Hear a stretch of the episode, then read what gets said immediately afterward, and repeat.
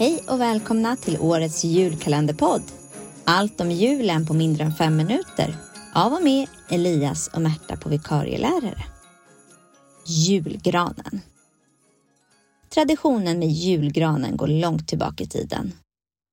År 1741 i Stora Sundby herrgård i Södermanland kläddes den första julgranen vi känner till i Sverige. Den pyntades med äpplen, saffranskringlor och vaxljus. Det här blev populärt och spred sig först till bland annat herrgårdar, skollärarbostäder och prästgårdar för att sen ta sig in i de allra flesta hem mot 1800-talet. Men redan innan detta hade man tagit in kvistar med granris för att ställa framför ytterdörren eller framför gården.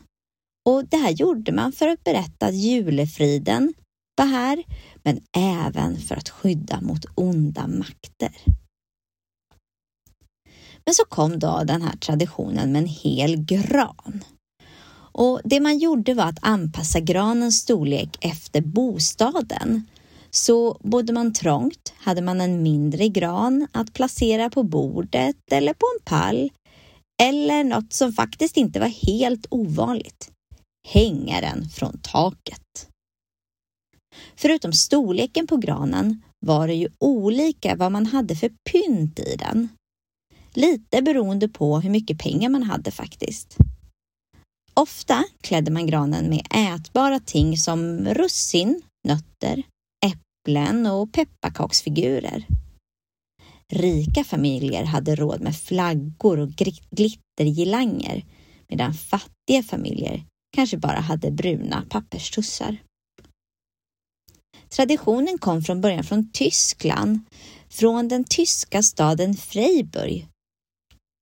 Några bagarlärlingar ska där ha sett ett träd dekorerat med äpplen, kakor och glitter på en av stadens härbergen och så uppstod den här traditionen. Precis som innan julen, julgranen, alltså då man hade den här knippen med grankvistar vid dörren, så tror man att tanken även med granen från början var att skydda från onda makter och väsen. Nu för tiden har vi granen av tradition, för att det är mysigt och trevligt och för att den kommer med en god doft. Men något som man kanske inte tänker på när man släpar in sin gran så där dagen före julafton, om man är som jag, men jag vet ju att många tar in granen långt tidigare, kanske till, redan i början av december. Det är alla små kryp som kommer med tillsammans med granen, som bor i granen. Man kan räkna med att omkring 50 småkryp som insekter, spindlar, kvalster följer med granen in i huset eller lägenheten. Om man vill ha granen länge och inte vill att den barrar så mycket så ska man komma ihåg att vattna granen.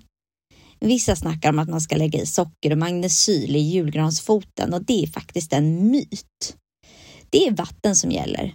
Direkt när man får hem granen så ska den i vatten. Och så ska den få vänja sig vid värmen. Så ställ den gärna i något svalt, kanske garage innan man tar in den i själva bostaden. Den vill inte heller stå nära något varmt element när den väl står där inne. Det här var allt om julgranen på mindre än fem minuter. Vi hörs igen. Hej då!